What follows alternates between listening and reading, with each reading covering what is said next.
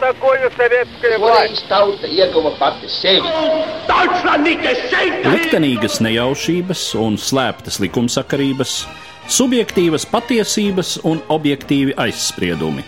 Pēc atkušņa nekad nenāk uzreiz pavasars, bet sākās Arī šodien cilvēki ir ļoti tūredzīgi. Viņi redz to naudu, kas ir. Televīzijā jau pamatā notiek cīņa par varu. Pagātne no šodienas skatu punkta un šodienas caur pagātnes prizmu.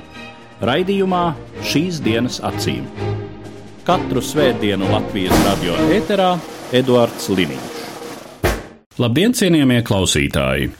Nacionālie partizāni, meža brāļi, kas bija tie ļaudis, kuri pēc otrā pasaules kara Latvijas mežos cīnījās pret padomju okupācijas varu, pretojās vai vienkārši slēpās no padomju varas mežos.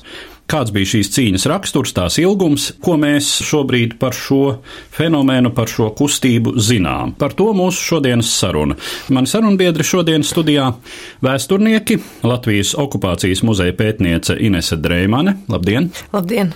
Un Latvijas vēstures institūta pētnieks Zigmārs Turčinskis. Labdien! Labdien. Vispirms par pašu šo terminu, kas arī droši vien vēl vismaz tādā populārā kontekstā ir precizējams un skaidrojams. Nacionālie partizāni. Tas nepārprotam ir attiecināms uz cilvēkiem ar ideisku nostāju, ar konkrētiem pretestības motīviem, bet droši vien kara beigu pēckara situācijā mežā nonāca dažādu kategoriju ļaudis. Apzīmējums nacionālie partizāni, meža brāļi, kā vēsturiski korekti tie būtu lietojami. Nu, Nacionālajā partizāna tas droši vien ir tāds mazliet zinātniskāks un tāds nu, precīzāks termins. Tas liecina par to, ka tā ir kaut kāda organizēta cīņa ar kaut kādu mērķi organizētu. Savukārt meža brāļi, tie ir visi tie, kas tanī brīdī pamuka ar ieročiem rokā mežā un bija gatavi gaidīt kaut kādas pārmaiņas, lai tad darbotos. Principā tas meža brāļa termins varētu teikt arī tāds latviešu nacionālais apzīmējums nacionālajiem partizāniem, cilvēkiem, kas ar ieročiem rokās dzīvo mežā un cīnās par kādu ideju.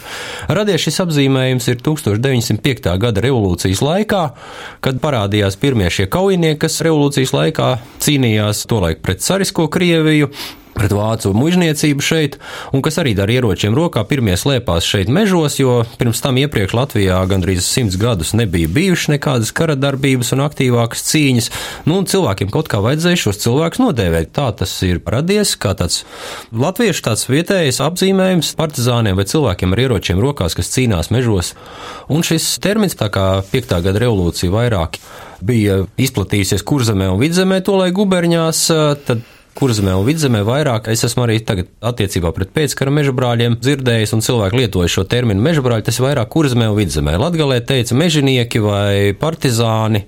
Latgalē tas termins ir saistīts ar atbrīvošanās cīņu, zaļo partizānu pulkiem. Jā, nu tur īstenībā tiešām varētu teikt, ka tur aizgāja šīs partizāna apzīmējums, jo Ziemeļlatgalē bija tas fenomens, kā Latgales partizānu pulks, kas izveidojās 19. gada vasarā un kurā apvienojās vietējie vīri turpat ap balviem viļaku un kur izveidoja šīs vienības, kuras vēlāk tika noformētas arī kā Latvijas armijas Latgales partizānu pulks, un līdz ar to tur principā jā, šis termins partizāns bija viņiem raksturīgs. Savukārt attiecībā uz cilvēkiem, kas varbūt tiešām vēlās tikai pārlaist kādu kritisku brīdi, izvairīties no mobilizācijas, tas sarkanajā armijā vai redzēt, kas tālāk notiks, bet ja viņi nekādās īsti reāli militārās, teiksim, partizānu cīņas darbībās neiesaistās, tad uz šiem cilvēkiem attiecina terminu nelegālists. Tātad tas ir kaut kādu īsāku vai ilgāku laiku nelegāli dzīvojošas personas, kuras, acīm redzot, nu, pie pirmās izdevības viņas vai nu izmanto iespēju legalizēties, vai nu arī vēlāk, saprotot, ka būs tomēr kaut kas jādara un ka nekas labs nav gaidāms, viņi iesaistās tātad partizānu cīņās. Vajadzētu iezīmēt arī chronoloģiskos rāmjus un kvantitatīvo apjomu. Nu, tātad, cik daudz šo nelegālistu meža brāļu nacionālo partizānu bija, cik daudz kuros laikos un uh, cik ilgi mēs varam runāt par šādu vairāk vai mazāk organizētu bruņotu cīņu. Principā šī cīņa sākas 44. gada augustā, pēc tam, kad Latvijas austrumu daļā Latgalē ienāk sarkanā armija, tiek izsludināta mobilizācija, un liela daļa no cilvēkiem, vīriem vienkārši pamūk uz visām pusēm, jo īsti nav jau tajā brīdī padomju varai, kas šo mobilizāciju varētu piespiest šos cilvēkus aiziet uz tiem sarkanarmijas iesaukšanas punktiem. Un viena liela daļa paliek vienkārši mājās, dzīvot savās nomaļākās vietās, citi pamūk uz mežiem kaut kur, Un tad līdz ar to sarkanie, lai dabūtu šos cilvēkus uz mobilizācijas punktiem, sūta pa apkārtējiem ciemiemiem, pa mājām, lasīt kopā šos vīrus. Iesaukšanas vecumā viņi sūta NKVD karaspēka vienības, nelielas vienības, pa 4, pa 5 cilvēki vienkārši viņi iet un vāc tos vīrus piespiedu kārtā kopā. Nu, un vienā no šādām reizēm, Abrenes apriņķa šķilbēnu pagastā, šādi četri sarkanarmieši vienkārši vienā ciemā pazuda bez vēsts. Tāpēc, ka vietējie vīri desmit saorganizējās, viņus vienkārši nolikvidēja, noraka tur vietējās eglītēs. Un tā ir pirmā faktiski sadursme, ar kuru var teikt, ka ir sākusies Nacionāla partizāna cīņas un cīņas turpinās un ilgst līdz pēdējais notikums ir 57. gada februārī, kad Viļāna apkārtnē no meža iznāk tāda mičuļu ģimene. Pieci cilvēki, viņi ir bruņoti, viņiem ir ložmetējs, automāti, šautenes, granātas. Tā ir pēdējā, nu, tāda organizēta viens ģimenes sastāvoša grupa. Tas varētu būt tāds beigu datums faktiski. Protams, tad tur pa vidu ir iespējams runāt par uh, uzplūdiem un atplūdiem, jo, teiksim, nu, jā, šis te laiks līdz kara beigām, 44. gada nogal līdz 45. gada maijs, tad ir pārsvarā tiešām tie cilvēki, kas izvairās no mobilizācijas vai jau dezertē no sarkanās armijas, redzot, ka visticamāk viņi var arī mājās dzīvi neatgriezties, jo apmācība līmenis ir ļoti slikts un arī bruņojums bieži vien ir nožēlojams. Pēc tam tā tad nāk 45. gads, pēc tam nāk kapitulācija, kad šajā pretošanās kustībā iesaistās kurzeme. Tā Latvijas daļa, kas līdz tam ir atradusies vēl nacistu okupācijas varā, kur noritējuši militārs kaujas. Un tas jau ir mazliet savādāk, jo, ja vidzemē, zemgalē un latgalē tie ir tomēr pārsvarā civiliedzīvotāji, zemnieki, vienkārši cilvēki, tad kurzemē šī gadījumā jau tad pretošanās kustībā reāli iesaistās bijušās militāra personas, tie leģionāri, cilvēki ar kauju pieredzi, un savukārt 45. Eh, gada laikā ir legalizācijas pasākumi, kurus veids padomju vara, mēģinot kaut kādā veidā šo situāciju kontrolēt. Un tas arī savā ziņā atsijā vienu daļu to, kuru mērķis nav bijusi reāla tālāka cīņa, kuriem varbūt svarīgākais ir bijis līdz šim pārlaist kara jukas, redzēt, kas notiek. Un viena liela daļa tiešām arī no šādiem svārstīgiem elementiem savā ziņā šo cīņu pārtrauc, viņi legalizēs, nu kādi viņi tālāk ir likteņi par to var jaunu raidījumu uztaisīt. Un tad tālāk jau es teiktu, ka no kāda 46. gada gandrīz jau vairs nevar runāt par to, ka tad būtu vienkārši kaut kāda mukšana un vienkārši lai paslēptos, jo tad cilvēki jau reāli redz, ka komunistiskā okupācija ir atgriezusies un iet tā lieta aizvien tikai plašāk un ka nekas labs nebūs un vienkārši pamukt un noslēpties bez pretošanās, bez reāla mērķa, tas ir bezjēdzīgi. Tikpat labi var vienkārši aiziet un pakārties uz to mēžu. Apjomi, daudzumi, cik tad šo cilvēku bija? Apjomu daudzumu vislabāk ir noskaidrot laikam pēc partizānu pretinieku pēc padomju drošības dienas datiem, un 56. gada oktobrī LPSR KGB atskaitījās uz visām pusēm, ieskaitot arī šeit vietējai kompartijai, par to, ka cīņa ir beigusies, un e, viņi tur nosauc konkrētus ciparus, cik ir bijuši šie viņu pretinieki, kurus viņi ir nogalinājuši, legalizējuši, sagūstījuši, un skatoties kopā, tas cipars ir 13,5 tūkstoši apmēram cilvēku, no kuriem 2,5 tūkstoši ir gājuši bojā šai cīņā, Pārējie tur ap 5000 ir legalizēti, kuri attiecīgi pēc tam 49. gadā ir lielākā daļa deportēti, pārējie ir arestēti atkal. Tad apmēram 13,5 tūkstoši cilvēku. Vai mēs varam iezīmēt eh, kādus posmus šajā procesā starp 1944. un 1957. gadu? Pirmais posms noteikti ir tās aktīvās cīņas posms, kad ir pilni meži ar cilvēkiem, kad mežos ir ļoti daudz cilvēku, kad cīņas ir ļoti aktīvas. Tas ir no 44. gada rudens līdz apmēram 46. gada rudenim. Tas ir tas aktīvais cīņas posms, kad ir lielas grupas un abām pusēm ir lieli uzbrukumi un čeka rīko un vispār padomju okupācija rīko mežu ķemmēšanas masveidā. 45. gada mājā ķemmē kurzemes mežus, pēc tam no 45. gada jūnija līdz augustam ķemmē Latgales un vidzemes austrumu puses mežus un rīko lielās operācijas pret partizāniem, kurās piedalās vairāki simti līdz pat pusotram tūkstotim karavīru. Šeit meža ķemēšanās, protams, piedalās tur ap 50 un vairāk tūkstoši meža ķemmētāji vienlaikus. Un no partizānu puses tās atkal organizējas lielākas grupas un veidojas partizānu organizācijas un ir organizētāki uzbrukumi, piemēram, šīs partizānu cīņas laikā partizāni ir ieņēmuši vismaz 42 pagastu centrus.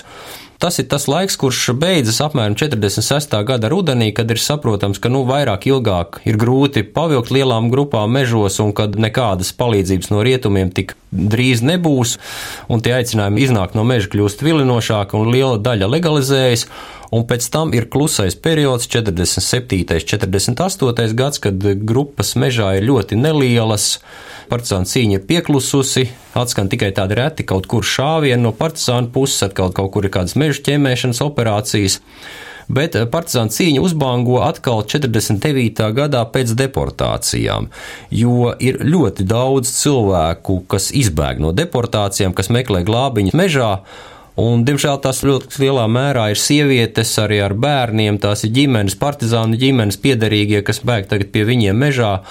Un līdz ar to 49. 50. gads atkal ir tādu lielo cīņu periods, bet Šoreiz tās cīņas ir ļoti asiņaini nežēlīgas tādā ziņā, ka tur iet bojā veselas grupas ar sievietēm un bērniem, piemēram, 49. gada augustā. Sinolas mežos pie alūksnes tur iet bojā 11 cilvēki, kur ir sievietes un bērni, un tādi tie skaitļi apmēram ir.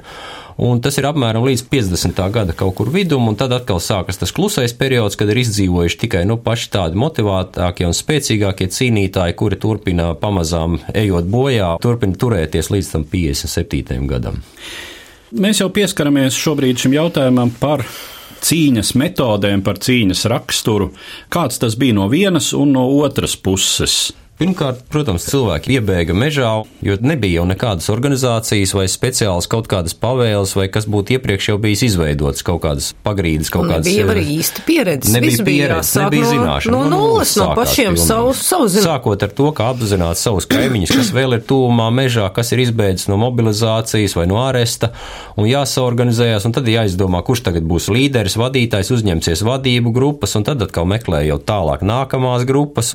Tad sāk kādam jau rasties ideja, ka vajadzētu kādu organizāciju dibināt jau plašāku, nu, un tad apvienojās, un tad sāka domāt, ko varētu darīt un ko mums vajadzētu darīt, un vai tagad nāks angļi un amerikāņi. Bija, protams, līdz 45. Eh, gadā, no šobrīd liekas viņas tādas absurdas, smieklīgas idejas, piemēram, valkas pusē zeltiņos partizāniem ienāca prātā, ka tūlīt nāks angļi un amerikāņi, ka vajadzētu ieņemt zeltiņu centru, izrakt ierakumus apkārt un gaidīt angļus un amerikāņus, ka viņi tūlīt nāks jau. Viena daļa gaidīja, viena daļa organizējās, tika šauti aktīvākie padomju varas pārstāvji, uzbrukumi pagastu centriem, kā jau es minēju, slēpņi un mēģinājumi atbrīvot arestētos kas arī, starp citu, ir bijuši diezgan daudz Latvijā šādi gan mēģinājumi atbrīvot, gan nepieļaut šos arestus. Jo arī no pretējās puses jau jebkura veida komunistiskā režīma aktivitātes arī sākās momentā, tikko arī jebkurā teritorijā ienāk sarkanā armija, tai, protams, seko uzreiz arī padomju vara un visas, teiksim, šīs te gan represīvās metodas, gan sovietizācija. Un tad arī var redzēt, kas no tuvāk apkārtnē dzīvojušiem, kas tā tad pieslienās šai padomju varai ļoti labprātīgi. Ir jau arī viena daļa cilvēku, kur, teiksim, piesakās tais pašos izstrabīķeļu vienībās, jo arī tos nemobilizē. Pie tam iedod uniformu. Jā, un, zinām, pārtiks statusu apgādi. un pārtiku. Jā, jā. Bet to mēs tad vēlāk arī redzam. Mums ir intervijas bijuši ar cilvēkiem, ka ģimenei viens brālis ir mežā, jo viņš ir aizlaidies no mobilizācijas, otrs brālis kādu laiku ir bijis šajā te izstrabīķeļu vienībā vienkārši. Nu, viņiem ir bijuši brīnišķīga sadarbība, vai ne? Tie, kas bija mežā, tie zināja, kas notiek pagastā. Un vienlaikus arī, protams, ka nu, šim te izstrabīķeļam neviens neskrēja virsū ar draudiem. Piemēram, bija ļoti daudz akcijas, kurās nebija, protams, tādā nozīmē rezultāts, ka nogalinātu kādu, bet bija ļoti daudz, īpaši 45. gada vasarā, kad partizāni vienkārši staigāja pa šīm izstrabīķeļu mājām atņēma viņam to plīnti, iedeva, nu, pa pūrnu, iekaustīja, piedraudēja. Bija pat uh, grupas, kas savāca 40 un vairāk šautenes, pēc tam nezināja, kur viņas likt, saliec stobru un atdeva atpakaļ. Jo tā mežā būšana, šī partizāna cīņas mērķis un ideja jau, protams, nav uzbrukt, teiksim, kaut kādās frontālās kaujās, lielā cīņā, teiksim, nelegālos apstākļos bez atbalsta, un, nu, tiešām ienāk, nezinu, Cēsīs, Rīgā, Daugaupilī, nu, tādas, teiksim, pašnāvnieku vienības, tas jau nav partizāna cīņas mērķis, viņu idejas galvenais, un, un to, protams, saprat laika gaitā, kad sāk pamazām izgāzties šie te lielo kauju un cīņu uzbrukumu mēģinājumi. Maksimāli neļaut svešam režīmam justies komfortabli. Visu laiku tomēr rādīt, ka viss nav tik vienkārši. Mēs tepat vien esam, un nu, tomēr jums arī būs mazliet jāpieraujas. No pretējās puses bija ārkārtīgi daudz kriminālu noziegumu, teiksim, arī ārprātīgi daudz nežēlības, jo tā neuzvaramības apziņa, ierocis, saka, aiz manis ir lielā padomju dzimtene, laupīšanas, ka vienkārši mājā ienāk vakarā šādas, teiksim, vietējo izstrabīķeļu vienības vai sarkanie aktīvisti. Tad arī cilvēki tiek piekauti, viņiem bieži vien kaut kad tiek atņemts tas, kas viņiem ir, un viņiem vienalga, kur iet un žēloties. Kādas citas organizētas cīņas formas, nu, teiksim, propaganda, tātad kādu uzsaukumu, kaisīšana, cik lielā mērā tie partizāni, kuri darbojās provincē, mēģināja kaut ko darīt eh, lielākās pilsētās, vai bija kādas organizētas pagrīdes grupas arī Rīgā un citur lielajās pilsētās? Principā katra jau tā organizācija, kas partizāni izveidojās, viņi mēģināja arī veikt tādu propagandas darbu, centās izdot savas avīzes. 11 dažādas avīzes ir izdotas Latvijā šai laikā. Cik ir saglabājušās? Pa kādam eksemplāram, es domāju, no katras viņām ir saglabājies. Pilns, protams, metiens skaits nebūs, bet no arī šīs avīzes neiznāca pārāk ilgi. Viņas iznāca gadu, pusgadu, pusotru gadu. Ilgākais, ko viena avīze ir iznākusi, ir tāda Ziemeļlatgalē starp Viļaku un Balviem. Tur mežos izdevā Māras zeme avīzes saucās. Redaktors bija no sākuma Vilis Toms, vēlāk Oļģerts Melders. Un šī avīze iznāca no 46. līdz 49. gada augustam, kad Oļģerta Meldera nogalināja. Un ir interesanti tā, nu, krimināla lietās skatoties, redzēt, cik tālu šī avīze, teiksim, no, no tās starp balviem viļaks, tur stompak purvos, viņa ir izdota, viņa ir aizgājusi līdz valkai, viņa ir atrodama krimināla lietās ērgļu pusē pie cēsīm, ir atrodama, tad līdz turienē viņas ir aizgājušas. Viņas ir no grupas uz grupu dotas tās avīzes, viņas ir bijušas, acīm redzot, ļoti svarīgas cilvēkiem. Un ir interesanti, ka tā avīze ir bijusi, teiksim, 46. gada eksemplārs, un cilvēks ir sagūstīts 52. gadā, un viņam vēl joprojām bijis tas 46. gada eksemplārs. Nu, tas ir viņam bijis tāds kaut kaut kas ļoti svarīgs, acīm redzot. Jo tas jau arī bija šīs partizānu propagandas darbības galvenais pamats. Arī uzturēt šo cerību, ka viss nav beidzies. Nevajag ļauties pesimismam, Mēs vēl turamies, un šeit tam ir uzskatāms pierādījums. Tas pats sakāms ir arī par proklamācijām, uzsaukumiem. Lai gan par tām runājot, te ir bieži vien sadarbības starp partizānu grupām un viņu atbalstītājiem, kuri nereti ir jauni cilvēki, tie skolnieki, viņi ir studenti, un īpaši 45, 46 un arī vēl drusci 47 gads ir raksturīgs ar to, ka apriņķu centros, skolās ir raksturīga jauniešiem veidot savas mazas organizācijas, kuru viens no mērķiem ir tieši partizānu atbalstīšana, jo gandrīz katrs jau tomēr, nu, viņi visi nāk, teiksim, no šiem pašiem lauku apvidiem, gandrīz kāds zina, kur kas notiek un kur kādam pat radi un draugi un citi slēpjās. Viņi pirmkārt veids partizānu atbalstītāju funkcijas un informē viņus, un vienlaikus arī tā tad vai nu partizānu uzdevumā paši izgatavo kādus skrejlapiņas vai uzsaukums, vai arī saņem no partizāniem, no meža un izplata tās tātad pilsētā vai pagastu centros vai kaut kur tam līdzīgi, un arī viens otram rāda un dod, un, un protams, nu šeit ir nākamais jautājums par konspirāciju. Visādi gadās. Lielpilsētās Rīgā, nu īsti tā kā nav dzirdēts. Uz Rīgu, protams, atnāk, gribot, negribot, vai nu studēt, vai strādāt cilvēki no šīm te jauniešu organizācijām, jo, piemēram, no Viļakas ģimnāzijas uz Rīgu nāca studēt jaunieši, un tad viņi Rīgā arī savā starpā, no nu, arī universitātē, teiksim, komunicēja, bet, protams, ka lielpilsētā tā nav tāda kā partizāna atbalstoša nelegāla struktūra. Rīgā bija viena interesanta grupa, kas darbojās 46. gadā. Viņi ieguva tādu apzīmējumu Lāča mednieki. Viņi bija pagrīdnieki, bet bruņot partizāni. Viņu mērķis bija nogalināt Vili Lāci, un viņi viņu medīja, un vienreiz viņi bija sašāvuši uz jūrmālas šosejas mašīnu, bet bija sašāvuši nepareizo mašīnu, kur apsardz brauc, nevis pats Lācis. Un otrais viņi mēģināja uzbrukt viņa mājai meža parkā, bet eh, viņus tur eh, mazliet iepriekš visus eh, arestēja. Protams, mēs saprotam, ka, lai dzīvotu, lai uzturētos mežā, ir jānodrošina pirmkārt jau savs dzīves pastāvēšanas process. Nu, tā tad ir vajadzīga pārtika, ir vajadzīgs apģērbs, un galu galā, nu, ja jau tā ir bruņota cīņa, tad kaut kur ir jāsagādā munīcija. Kā pamatā partizāni risināja šos jautājumus? Principā to es esmu dzirdējis no viena arī tāda partizāna, ka viņš stāstīja, nu, ko viņš atcerās sajūtām mežā. Viņš saka, visu laiku bija tā pusbada sajūta, ka visu laiku gribās ēst.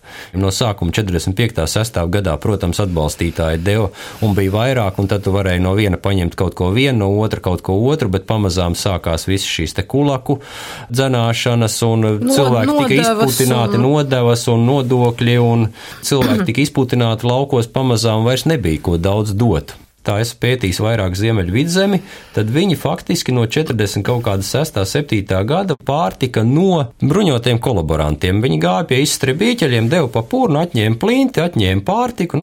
Pēc 49. gada savukārt, tad, kad izveidojās kolhozi, šī pati arī Kārļa Mūsiņa grupa, viņi vai nu uzbruka kolhoziem, kolhoza fermām, vai arī vietējiem lauku veikaliem. Nu, munīcija, diemžēl, bija problēma. No sākuma munīcijas, protams, bija daudz un ieroču bija daudz, bet, ja munīcija netiek attiecīgi glabāta, nu, viņa, protams, paliek mitra un viņa uh, sāka bojāties un oksidēties un patronus nesprākst. Un uz 50. gadu sākumu jau ir diezgan lielas problēmas partizāniem šajā ziņā. Un beig beigās ir pat tā, ka Tas ir stāsts par cēsu pusi, par raunas drustu pusi, kur izveidojas partizānu kustība īpatnējā veidā čekas terora rezultātā. Tur bija nedaudz cilvēku, trīs, četri cilvēki bija mežā, bet eh, viņiem bija daudz atbalstītāju, un šos atbalstītājus terorizējot, čeki centās atrast nodevēju, kas viņus nodotu, bet neviens nebija gatavs nodot, un rezultātā tur gāja mežā veselas ģimenes, lāču ģimene, trīs māsas un brālis, un auškāpi un Gregori, un vēl vairākas ģimenes. 50. gadu sākumā tur ir gandrīz 30 cilvēku mežā, bet bruņojums viņiem ir gandrīz nekāds. 51. gada decembrī mežā aiziet Gregori, tēvs ar meitu, viņiem līdzi ir medība bijis ar divām patronām, priekš kam? Principā, lai nošautos bezizējas situācijā, bet viņi vienalga nav gatavi nodot tos mežā esošos. Te mēs arī pieskaramies tam jautājumam, nu kādas vispār bija attiecības starp partizāniem un sabiedrību kopumā. Motīvs, kas arī parādās, un jo sevišķi šobrīd, kad par nacionāliem partizāniem mēģina runāt atkal aktīvāk kādi Krievijas mediji, tad, nu jā, ka vienkārši bandīti kuri laupīja, kuri slepkavoja. Tie stāsti, kas ir arī literatūrā pat apspēlēti rezumis padomi laikā, nu, teiksim, noslepkavo pastnieku par to, ka viņš pārvadā avīzes, kur ir attiecīgi, nu, protams, padomi propaganda biezās. Tās gan ir muļķības. Un, diemžēl tie padomi propagandas stāsti, kas vēl joprojām eh, reizēm turpina sabiedrībā būt, Un problēma ir arī tā, ka, nu, redziet, mēs šobrīd esam neatkarīga valsts, un nevienam vairs negribās teikt, ka viņa kāds sēncis vai no ģimenes piedarīgais ir bijis kolaborants un tā tad cīnījies pret nacionāliem partizāniem, arestējis kaimiņus, deportējis bijis. kaimiņus, un līdz ar to tie stāsti ir tādi, mani senči neko viņi nedarīja, bet tie mežabrāļi, tie ļaunie nelieši nāca un mūs sita un daudzīja.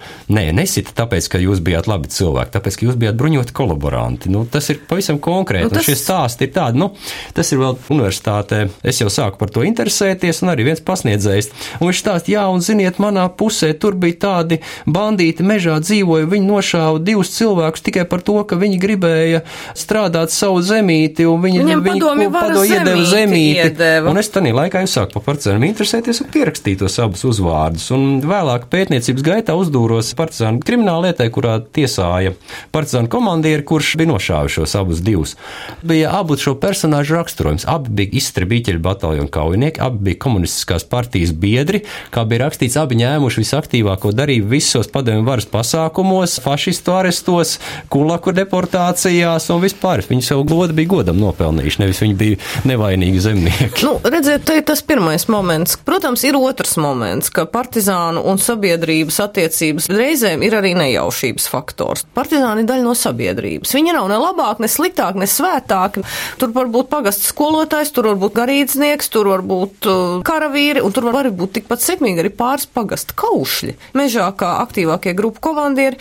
Viņu ideja ir ļoti skaidra. Viņi ir pret komunistisko režīmu un viņi grib kaut ko darīt iespēja robežās, lai palīdzētu varbūt atgūt Latvijas neatkarību. Bet izpausmes un raksturs jau nekur arī nepazūd, un tāpēc, tāpēc arī varbūt arī tādi gadījumi, ka partizāna grupa kaut kur paliek nelādzīgākā atmiņā, jo ir, teiksim, nu, vispirms varbūt ir pa to galvu, un tikai pēc tam ir tie jautājumi.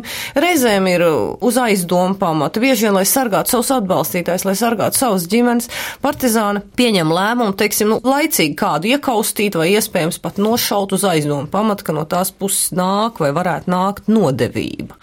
Reizēm ir pārspīlējumi. Tad akadēmiskajā pētniecībā to neviens nenoliedz.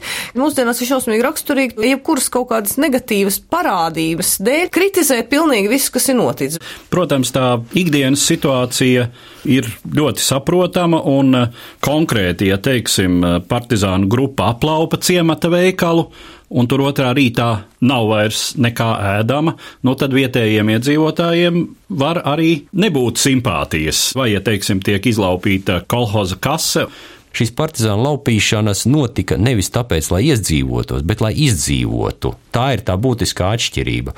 Jo kriminālists laupa, lai iedzīvotos, partizāns laupa, lai izdzīvotu, lai varētu iegūt pārtiku izdzīvošanai. Jo ir interesanti viena lieta, kriminālistiem parasti ir tā īpatnība, ka viņi ir recidīvisti liela daļa, kas turpina laupīt un vienreiz sēž cietumā, otrreiz, trešoreiz un atkal laupīšanas un zakšanas.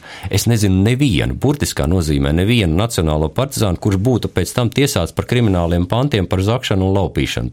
Jā, nu tas, tas ir, ir reizēm tas, ko arī nesaprot, vai arī negrib saprast un apzināt. Negrib. Jā, un apzināt tas arī tiek kurināts, ka redziet, jā, redziet, laupīja. Tā tad arī mežā aizgāja, lai nestrādāt, lai varētu laupīt, lai varētu iedzīvoties uz citu rēķinu, godīgais darba rūķis. Strādā, strādā, strādā, strādā, un tad atnāk neliec no meža, pie tam visticamāk nedasistais fašists un hitleriešu pakalpiņš, kam ir rokas līdz elkoņiem asinīs, un aplaupa viņu ir iespējams vienai daļai iepūderēt. Pārsvarā tā ir tā daļa, kurai tomēr tā, nu, viena kaut kāda senči ir bijuši šie bruņotie kolaboranti. Cik šī tēma ir historiogrāfiski izstrādāta?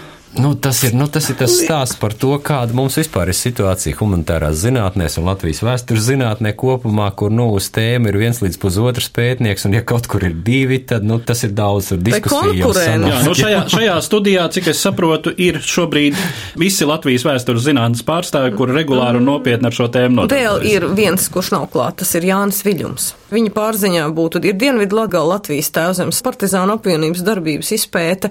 Mums ļoti būtu vajadzīgi cilvēki, kas iet kurzemes mežos, jo tur šobrīd akadēmiski pētījumi nenotiek. Tur agrāk ir bijis vai šis un tas, bet nu, tas būtu jāturpina. Jā. Jā, un arī būtībā, nu arī jebkurā citā reģionā vēl kāds noteikti noderētu. Nu tā nav, ka, ja tā tad Ziemeļ Latgala pēc Zigmārs, tad tur neviens vairs nedrīkst rādīties. Ziemeļ Latgala, Ziemeļ Vidzeme, Vidzeme kopumā, jā, nu tas ir mans tā kā vairāk reģions, tad Viļumam tā ir Dienvidu Latgale, nu, kur zeme mums ir tāda zemgale, ir tāda tukšais principā. Tā kā laipni aicināti. Jā, un tiešām ievērojot to, ka šī Nacionālo partizānu cīņa ir viens no ļoti nopietniem argumentiem, kas apliecina, ka padomju vara šeit nebija leģitīma, ka tā bija okupācijas vara, kurai vietējie iedzīvotāji aktīvi un apzināti pretojās, tad eh, tēmas pētniecība ir politiski svarīga. Redziet, nākamgad mūsu valstī būs simts gadi, bet no šiem simts gadiem valsts kā reāli funkcionējoša būs pastāvējuši 47 gadus. Pārējais laiks ir 53 gadi, ir bijušas svešas varas un okupācijas, kas ir mainījušās, un līdz ar to starp šiem abiem posmiem, pirmo neatkarības posmu un otro, ir milzīgs pārāvums pa vidu. sentido. Un tāpēc mums ir svarīgi runāt par šo pretošanos, par šo cīņu par brīvību, par neatkarību, sākot ar neatkarības cīņām 18. un 20. gadu, pēc tam tātad pretošanās kustība pret pirmo padomju okupāciju, Vācu okupāciju, Latvijas centrālā padome, kurelieši, tālāk nacionālie partizāni, kas aiziet līdz cīņai līdz 57. gadam, un tad jau 86. gadā sākas jau atkal atmodas kustības, jau pirmie iedīgļi, un līdz ar to tad mēs iegūstam šos 53 gadus okupāciju un svešu varu laikā, mēs iegūstam apmēram 20 gadus, kad mēs esam vairāk vairāk vai mazāk vai aktīvāk vai cīnījušies par savu brīvību un neatkarību. Par to valsti, kur ir nodibināta un. 18. gadā, nevis par kaut ko jaunu vai par kaut ko citu. Arī šajā sarunā mēs varējām skart tikai virspusēji un samērā nedaudz no Nacionālo partizānu kustības mēs praktiski neiztirzājām to, kā tad šī kustība pamazām izsīka un kādi bija tie faktori, un vēl daudzas citas detaļas, par ko es varu solīt, mums droši vien nākotnē būs arī citi raidījumi, bet par šo kas bija veltīts Nacionālo partizānu kustībai Latvijā pēc otrā pasaules kara. Es saku paldies maniem sarunbiedriem, vēsturniekiem Inesē Dreimanai un Zigmāram Turčinskim. Katru svētdienu Latvijas radio viens par pagātni sarunājas Eduards Liniņš.